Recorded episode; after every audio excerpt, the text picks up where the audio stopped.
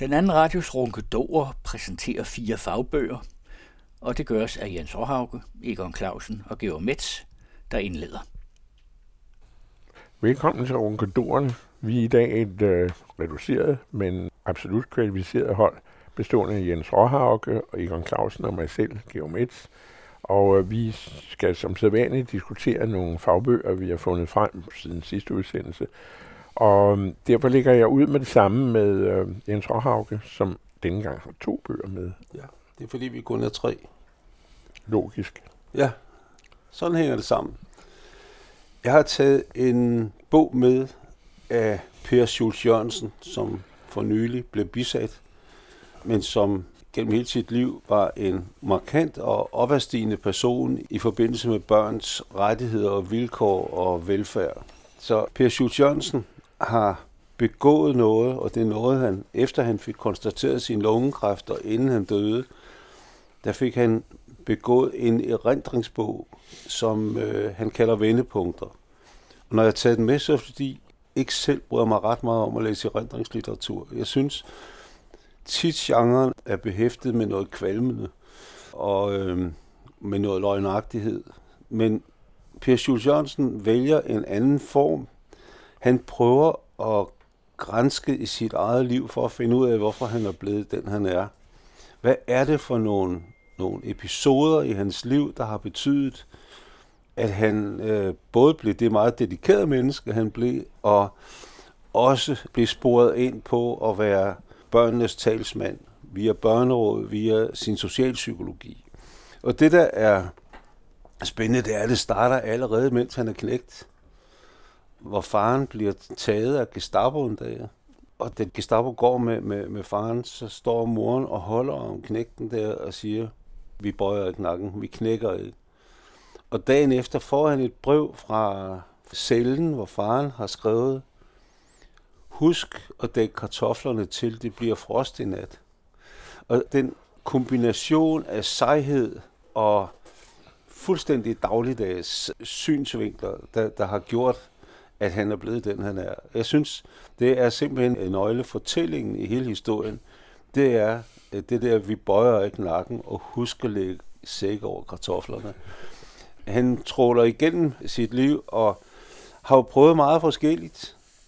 Og, og der er det sjovt som lærer at læse ham, fordi han faktisk øh, synes, at det var vidunderligt at have afskrivning i skolen. Og sidde og skrive andres tekster af, fordi det gav en struktur og en ramme, som gjorde, at man følte, at man alligevel blev inddraget. Og det er altså meget sjovt, at, at der er en hel række af de ting, som vi har forladt i skolen ved at snakke om, at nu skulle børnene have frihed, og nu skulle børnene det ene og det andet, som han går imod, fordi den frihed faktisk forudsætter nogle rammer og have friheden inden for nogle rammer, som man har fjernet. Han kalder det miraklet på realskolen, at han fik lov til at sidde og skrive af og fik underlige opgaver, men han blev taget med på råd, føler han. Og, og det er det der med at blive hørt, som så blev det andet store mantra i hans arbejde, at børn skal høres, men de skal selvfølgelig ikke bestemme, men de skal høres, og de skal medinddrages, og de skal føle, at der bliver lyttet til dem. Så går han selvfølgelig videre i sit liv og kommer også ud at sejle, og der oplever han også, at det lykkes at få ret, da han siger en øh, overordnet på båden imod, fordi det er totalt urimeligt, det der bliver for langt. Og der får han så opbakning af både de rigtig overordnede på båden, men også af de andre. Han er kabystreng, og han får folk på sin side, fordi han siger imod. Og det er jo så en egenskab, han har brugt senere i sit liv, for eksempel sin kamp for at få lavet nogle sociale ordninger for børn i Farum. Der blev han så overtrumfet af en venstre borgmester, som heller ville have frit valg. Og frit valg, det er jo altid øh, et konkurrenceparameter i stedet for et socialt parameter. Så Brikstofte vandt på det tidspunkt over Per Schulz, hvad han heller ikke tilgiver ham. Han har også nogle ting, der virkelig går galt, som han så også har lært af. For eksempel, da journalisten Henning Becker kommer med alle sine drenge fra Vietnam til Livø. Og det går fuldstændig galt, fordi det er en journalist, der skal lave PR på sit livsprojekt, over for, for dem, der ved noget om, hvordan man behandler børn. Så det, det går fuldstændig galt. Men igen lærer han altså nogle ting af det nederlag, han får der. Så det er en tour de force imellem øh, helt markante oplevelser, og helt markante sejre og helt markante nederlag. Og så er det altså, at han møder øh, sin kone Ellen på Klintegården i Aarhus, og hun bliver så hans kompagnon gennem hele livet. Og når man kender Ellen, så kan man måske nok diskutere, om der står en kvinde bag en hver mand, eller der står en mand foran en hver kvinde. Det, øh, det kan man jo diskutere øh, til uendelighed. Men i alt fald, så har de to dannet et makkerpar, som øh, har ført Per meget, meget langt frem og blevet en markant person i danske børns sociale liv. Der var mange ting i Danmark, der ikke ville have været bevidsthed om, hvis ikke han havde været der. Så jeg kan altså anbefale den som en julelæsning også til de mennesker, der faktisk gerne vil øh, gøre noget godt for de børn, som øh, lige nu oplever en ny regering, som vil gøre forskellene på rig og fattig endnu større. Den anden bog, du har med, den er, kan jeg se herfra, illustreret. At det er jo en helt anden type bog, men den henvender sig måske også til børn. Det er en underlig hybrid imellem en undervisningsbog og en kontaktannonce, kan man sige. Øh, det er, altså, det er meget spøjst. Øh, Dansk Forfatterforening har en gruppe illustratorer. 89 var der øh, for et år siden, der var medlemmer. De laver med jævn mellemrum en stor bog, hvor de hver bringer en illustration i en eller anden kontekst, så den kan samles som bog. Øh, og bag er der så øh, en mailadresse på dem alle sammen, så hvis man falder over en af deres tegninger og synes, at det her, eller illustrationer, synes egentlig, at de her de er markante, så kan man jo så maile til dem og spørge, om ikke de har lyst til at løse en opgave. Det er nok det egentlige formål med den. Og det skulle undre mig, om ikke de laver den øh, derfor ganske gratis, sådan så øh, derfor kan den også sælges billigt. Men det, der i det her tilfælde er specielt, det er, at de har valgt at illustrere hver sit H.C. Andersen eventyr. Og det synes jeg er super godt. Sidste år, der illustrerede de ordsprog. Og øh, grunden til, at det er godt, det er, at H.C. Andersen, som jo er næsten lige så kendt i Danmark som i Kina, øh, han er en fantastisk øh, forfatter, som har et meget bredt forfatterskab. Og de fleste danskere, hvis man spørger dem, de kender fire, fem eventyr af H.C. Andersen. Men når der nu er 89 danske illustratorer, så er de altså nødt til også at tage fat på nogle eventyr, som ikke er kendte. Og jeg havde den her bog med, fordi jeg repræsenterede H.C. Andersen samfundet ved det litterære folkemøde i Skørping, som i øvrigt har en fantastisk kulturstation. Og der havde jeg den her bog med på udgivelsesdagen. Og der kom folk og bladrede i den, og kiggede i den, og ej, der er noget, der hedder årets historie. Der, nej, og marionetspilleren, nej, og de har skrevet nogle af eventyrtitlerne ned, og så var de gået hjem og havde læst dem, og kom tilbage dagen efter og sagde, det er dog fantastisk, han også har skrevet det, og det er fantastisk, han også har skrevet det. Så på en eller anden måde, så er det her blevet en, øh, en H.C. Andersen formidlingsbog, som jeg synes er ganske aldeles spændende. Udover at der også er nogle flotte illustrationer, og man må sige, altså eftersom alle har skulle komme til ord, eller til, til billede, med en illustration til et uddrag af en H.C. Andersen eventyr, så er der også kvalitetsforskel selvfølgelig i, i billederne. Men de er meget demokratiske i Dansk Forfatterforening, så derfor er de alle sammen med. Og der er nogle vidunderlige eventyr, man får øjnene åbent for. For eksempel, det jeg blev mest glad for at genlæse her, det, det var nok eventyr om de to jomfruer, som jo er så nogle af dem, man stamper brosten med. De hedder i virkeligheden stempler. Ja, det, ja. ja, det er to jomfruer, hvorefter ejeren bestemmer, de skal stempler. Men det ene af de her to jomfruer var kæreste med en rambuk. Og han ville ved Gud ikke være kæreste med et stempel, så han slog op, da ejeren havde bestemt, hun skulle hedde stempel. Og det er sådan nogle ting, jeg synes, der er helt vidunderligt at få i en tid, hvor øh, vi ovenikøbet har fået en minister for digitalisering, som nu skal til at sætte os endnu mere på tal. Men, men øh, den her bog, den er kommet på øh, tegneserieforlaget Øvdor. Det er 89 danske illustratorer, fordi de er så mange, har været nødt til at tage nogle H.C. Andersen eventyr op, som ikke er så kendte, og derfor kan få folk til at boldre sig lidt i den store danske forfatter.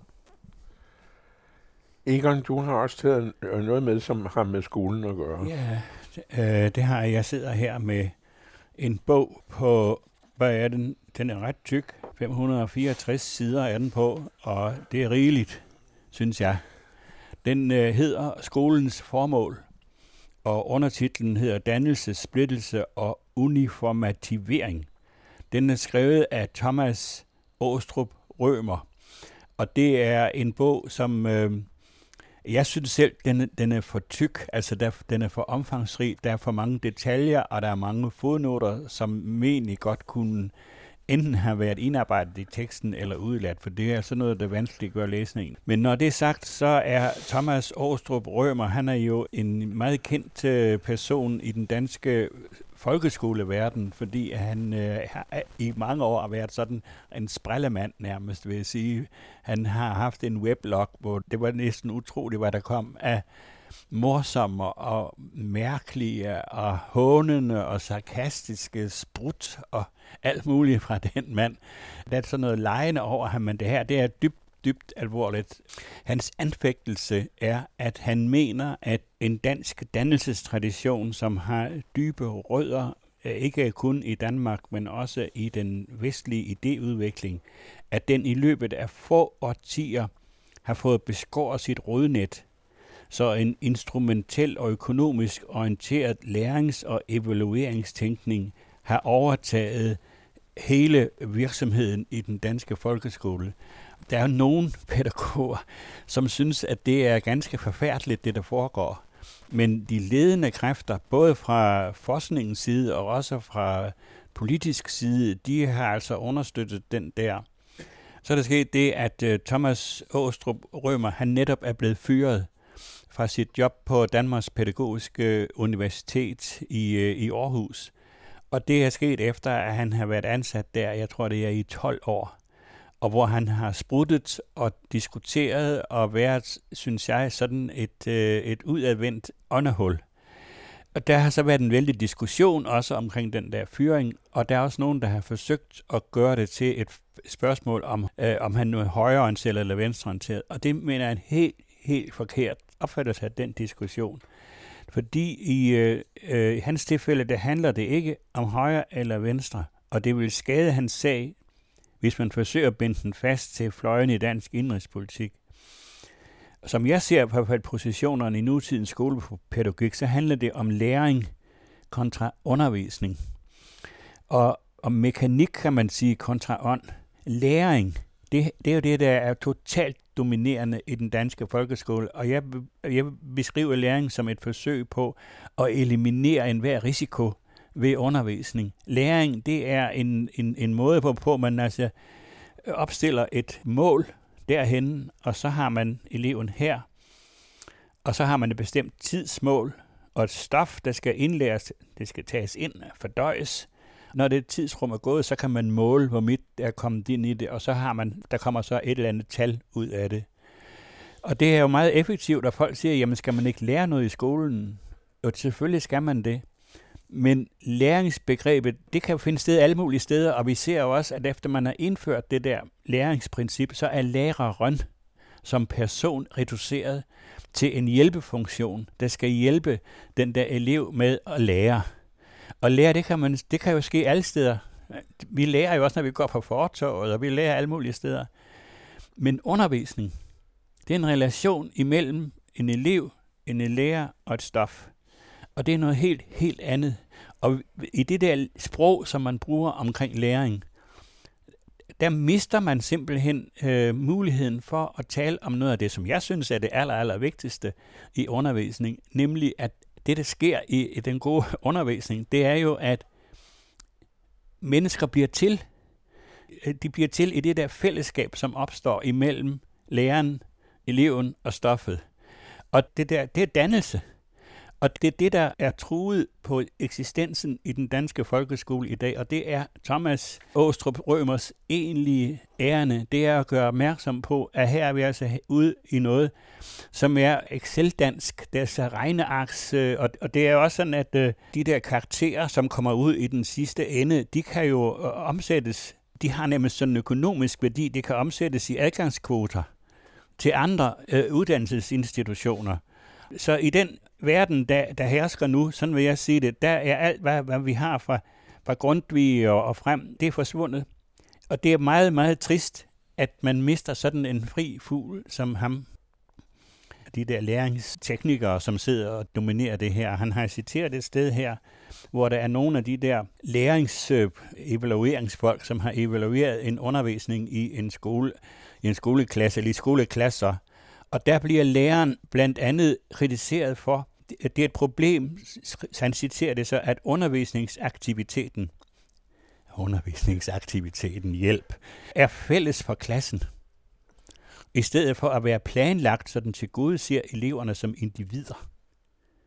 Og det kritiserer han også, og det synes jeg også, man skal kritisere. Det er jo virkelig en individualisering af, af, af undervisningen.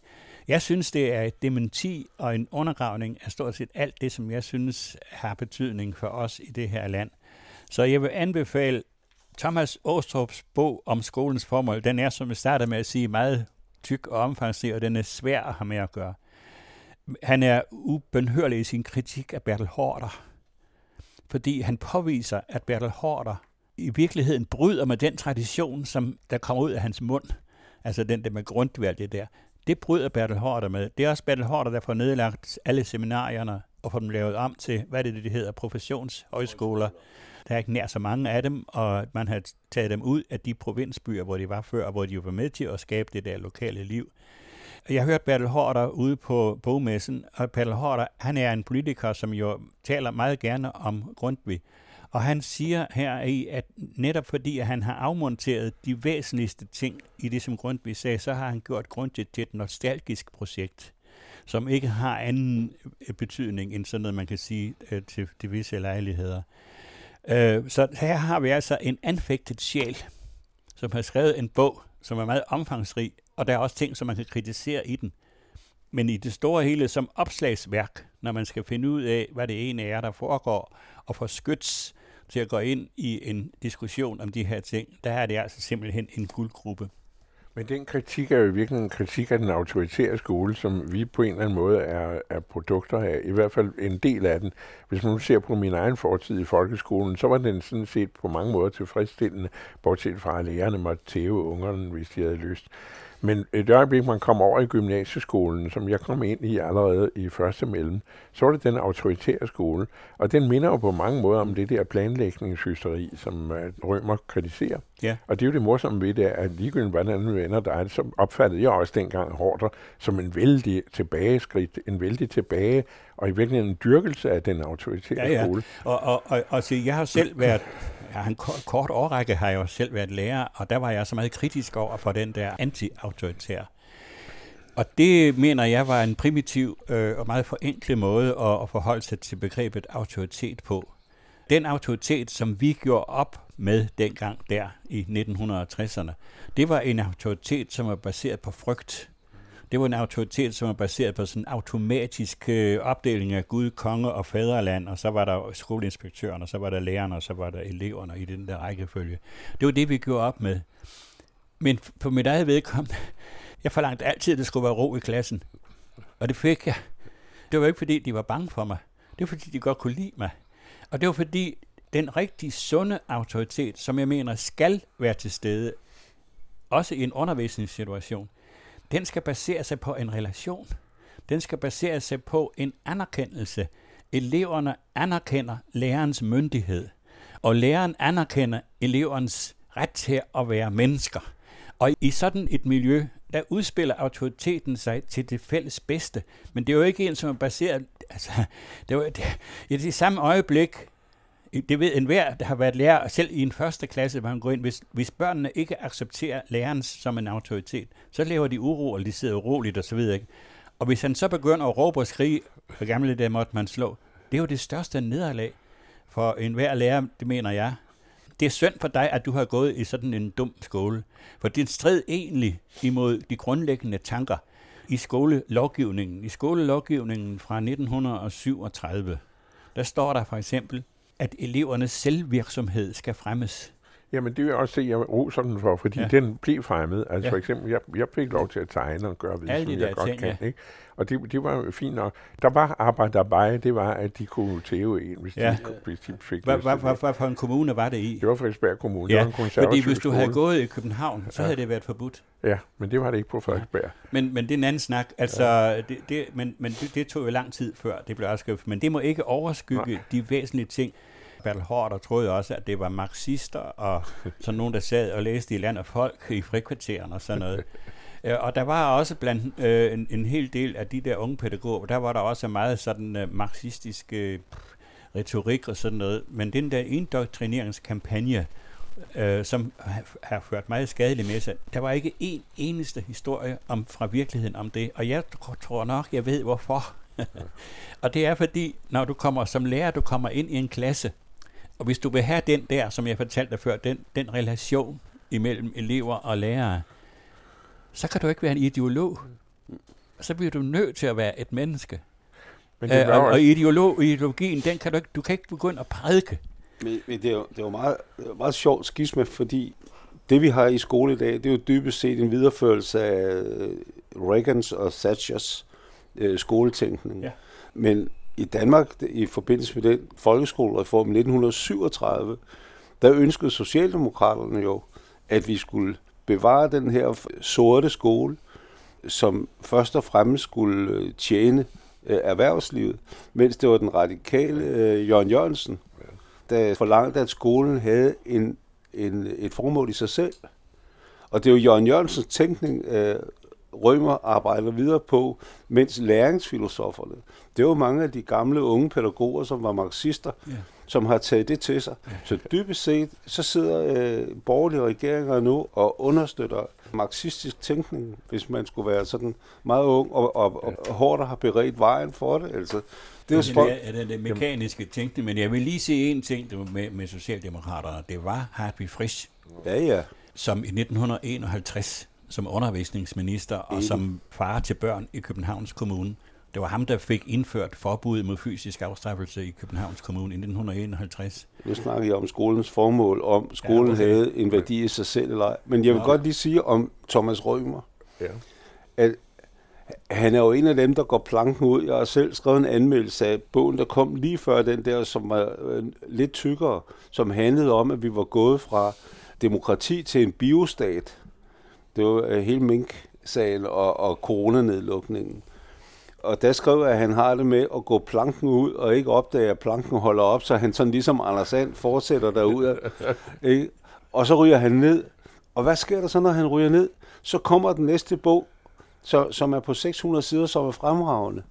Altså, han er vanvittigt flittig, men jeg tror også, han er, øh, han er svær at samarbejde med. Men ved du hvad? Det skal en skole og et skole og et universitet, det skal de kunne rumme. Ja, det ved jeg da godt, ja. men jeg siger bare, at det er jo derfor, det er sjovt, der er kommet en støtteskrivelse til ledelsen på DPU, som har afskediget ham og, og en stak andre. Og de skriver meget fornemt, at, at alle åbenhedsprocedurer har været fuldt, og så slutter det med at skrive, men man skal også kunne samarbejde, fordi vi er alle mennesker. Og, og for mig at se, der, der har de skrevet et støttebrev til ledelsen, som underminerer ledelsens argumentation. Men Thomas Rømer, jeg, jeg tror, han er en stemme, som, øh, som måske får endnu mere frihed, nu han er blevet fyret. Men får han også mere betydning? Det tror jeg også. Det må man da håbe. Ja. Det er fremtiden. Jeg sidder med fortiden i øh, 100 Danmarks historie, den her prisværdige serie, som Aarhus Universitetsforlag udgiver, og fortsætter med at udgive til, der er kommet 100 bøger. Og øh, den, jeg sidder med, det er en, som tager fat i endnu et af de her fænomener, som redaktionskomiteen bagved de her 100 Danmarks historier, som altså består af de her små bøger på 100 sider, ved at det koster 100 kroner stykket hver, det er jo overkommeligt, at de har udvalgt som øh, vigtige fænomener i Danmarks historie. Og det har der jo masser af eksempler på i slutningen af bogen, står der hele listen over dem, der er udkommet, den skal ikke remse op, men I det her tilfælde er det så det sidste kongemor i Danmark, som historikeren Thomas Hebøl Holm beskæftiger sig med. 1286 Sankt Cecilien nat, altså den 22. november 1286. Og det, der jo er kendetegnet ved det, det sidste kongemord, det er, det er uopklaret. Og det vil vedblive med, med at være uopklaret. Der er stort set ingen muligheder for, at der nogensinde kommer noget frem om noget, der kunne autoritativt vise, hvem der slog kongen ihjel. Det er jo en alvorlig sag at slå kongen ihjel. Det var det i bestemt også i middelalderen. Det var jo altså den værste forbrydelse, man kunne begå. Og øh, når der står det sidste kongemor, så er det det sidste kongemor i Danmarks historie, hvor der øh, før det havde været en række, al den stund, hvad det Massager øh, var så uforsigtig at dele riget. Det er jo det, der står i øh, folkevisen om dronning Dagmar, at hun ligger på, efter hun er død, vågner hun op igen, og så tager hun tre løfter af kongen, og han må ikke gifte sig med Berengaria, for hun er så besk en blomme, som der står. Og han skal give de fredløse fri, og så må han ikke dele riget. Og det har jo undret mange, hvordan kunne hun vide det, alt det, når hun lå der, fordi det var alt sammen ting, der lå, lå i fremtiden. Hun kunne heller ikke vide, at hendes søn, eller Valdemars søn af første ægteskab, øh, unge Valdemar, blev dræbt nogle år efter, det vil sige, at han var så klodset, at han skød sig selv i foden med en armbryst og døde af blodforgiftning. Det kunne hun jo ikke vide. Og hun kan jo ikke vide noget om Berengaria. Og hvad er det så med de fredløse? Hvad, hvorfor det? Jamen, det er jo en senere tids opfattelse af, hvad der så skete efter Valdemar Sejers død, som det handler om. Og det er i den periode, fordi hun har jo ret i sin forudsigelse, det er jo det, forfatteren til øh, Folkevisen jo markerer, at det gik helt forfærdeligt, da øh, riget blev delt mellem de her tre brødre, så kom øh, borgerkrigene, og, øh, eller internkrigene, hvad man skal kalde dem, og øhm, først efter en meget lang periode, det er omkring 1286, så, holder, så begynder det at holde op. Så begynder man at se, at det er ikke så godt at gøre det. Spørgsmålet er, kan man komme nærmere på, hvem det er, der har begået mordet? I romantikken kom der jo flere bud på det, og et af de berømte, det er jo en antydning af noget på Otto Bakkes berømte billede af de fredløse, som de kalder de sammensvorene, der holder hestene an øh, ud for Ja, det er jo et sted, som øh, altså måske et af de berømte steder i, i Danmarks historie, Finderup, som ligger der jo endnu, en landsby, Finderup. Finderup Lade, hvor mordet begås. Og de her sammensvorene har holdt hestene an og kigger tilbage mod det.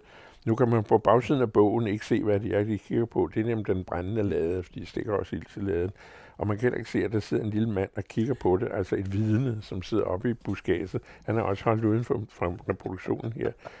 Men det der pointen i, det er, Otto Bakke, som ligesom romantikeren havde en mening om det her mor, mere end vi har i dag, han har alligevel undladt det, han ellers gjorde på sin skitse til maleriet. Der malede han nemlig hovedpersonen i billedet, øh, der sidder på en ganger med et skjold på ryggen. Og i, skitsen til det malede han mærket på skjoldet som en stjerne. Og det er Marstis mærke. Men det undlader han så på det endelige billede. Og øh, hvorfor han gør det, kan man jo gisne om, men måske har hans samvittighed sagt ham, at man ved jo ikke, hvem det er. Det er, det er altså uopklaret mord, så det er måske nok Max eller øh, er det en helt anden. Spørgsmålet er, kan man komme det nærmere? Og ligesom i hvert fald tre spor i det, som øh, man kan følge. Det ene det er kirkens spor, fordi der har været kirkekamp i Danmark under hele perioden, som er lidt anderledes end kirkekampen har været i de andre europæiske lande, fordi kirken og kongemagten har alligevel stået mere sammen i Danmark end andre steder af dynastisk grund. Det skal jeg ikke øh, komme nærmere ind på. Det andet spor, det er udlandet. Det er øh, vreden i Norge, den norske konge, som øh, føler øh, den myrdede konge Erik Klipping, eller før han blev myrdet, Erik Klipping, som kongen jo altså hedder, som en trussel mod øh, Norges interesser.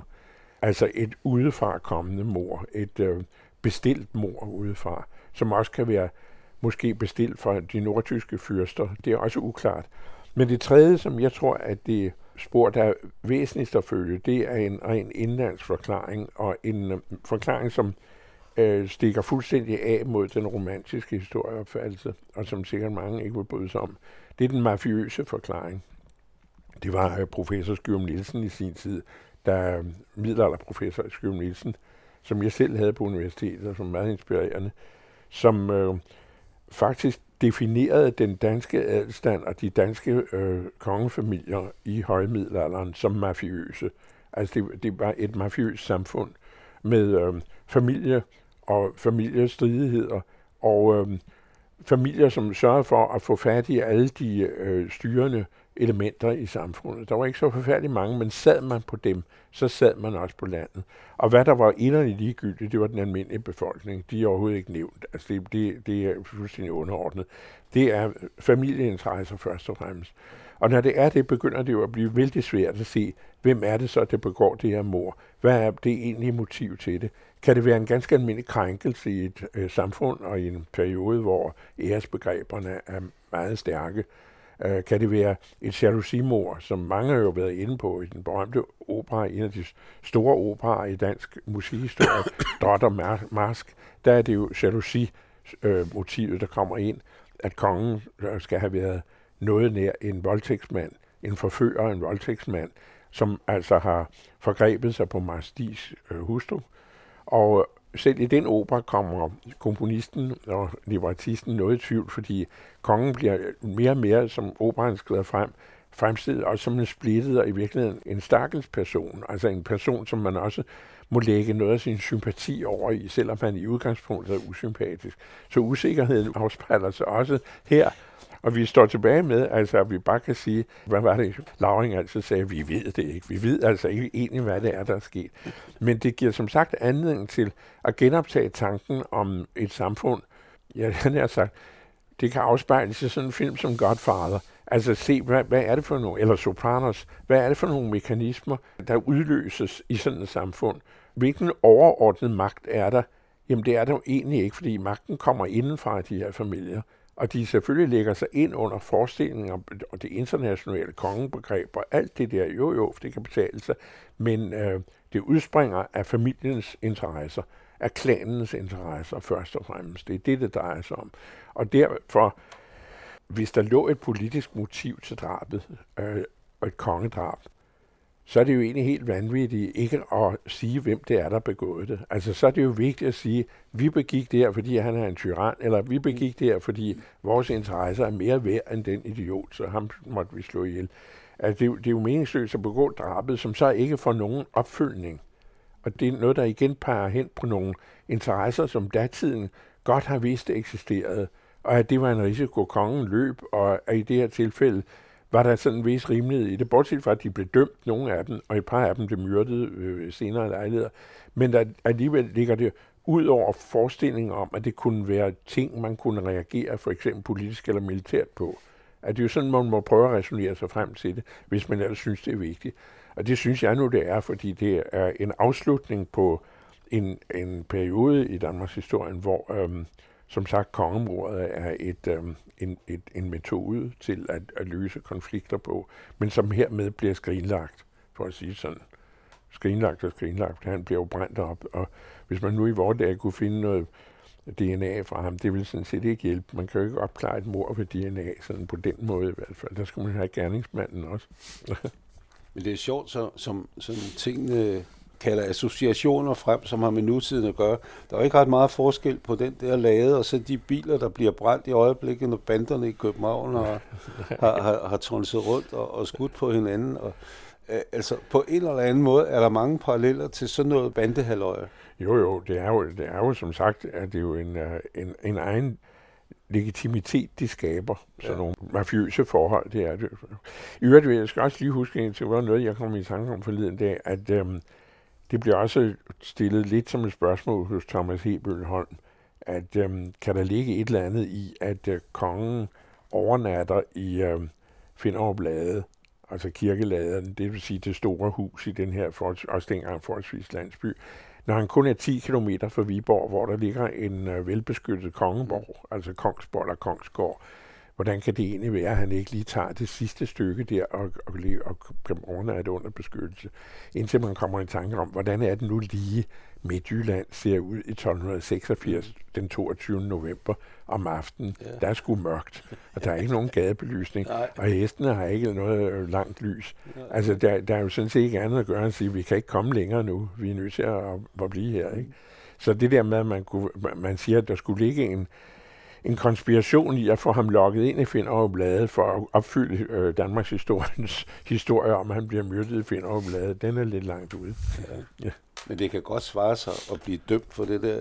Jeg tror, at uh, Marsk Stig, han er den, der er begravet flest steder i Danmark, endnu flere end Hamlet. Ja, det er sikkert rigtigt. Ja. Mads Stig har så spiller jo sådan en rolle, fordi han bliver jo rasende over det her. Om ja. det han så har gjort det eller ikke gjort, det er jo lige meget, men han allierede sig med øh, den norske konge, og med det, man kalder Danmarks fjender, hvor jeg igen vil sige, nej, han allierede sig i virkeligheden med, øh, med, med Norges øh, mafiøse kreds, for at bekæmpe den mafiøse kreds i Danmark, han er blevet udstødt af, og prøve at undergrave den ved at lave falskmønter øh, som han laver ude på øen Hjelten, man kan se, når man sejler frem og tilbage med, med skibet til Aarhus fra, fra Øjen. Og øh, derude laver han faktisk en del ravage i den danske møntpolitik. Klipping er jo selv et udtryk for det, altså med det tilnavn, han har. Det betyder jo, at han er beklippet mønten. Men at han skulle være blevet slået ihjel af den grund, det afviser, så vidt jeg kan se, Thomas Hebøl Holm også. Fordi det er klart, at det skaber inflation, når man klipper sølvmønten og gemmer noget af bouillon til sig selv, som det hedder. Men det var der sgu så mange, der gjorde. Altså, det var ikke sådan usædvanligt, at fyrsterne regulerede finanspolitikken på den måde. Så det, er ikke, det, det, det kan ikke være grunden til det. Så meget udhuler han ikke øh, stormændenes formue. Deres formue ligger jo i det, man kalder fast ejendom. Så jeg vil meget anbefale, hvis der er nogen, der har lyst til at læse om det sidste kongemor, så vil jeg anbefale endnu et bind af de 100 Danmarks historie fra Aarhus Universitetsforlag. Vel illustreret, og den her også meget velskrevet, meget underholdende.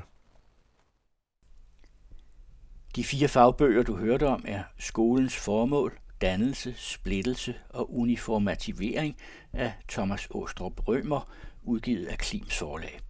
Vendepunkter af Per Schultz Jørgensen, udgivet af Kristelig Dagblads forlag. Den store H.C. Andersen eventyrbog, udgivet af forlaget Øvdor. Og til sidst det sidste kongemor i Danmark af Thomas Hebøl Holm, udgivet af Aarhus Universitetsforlag.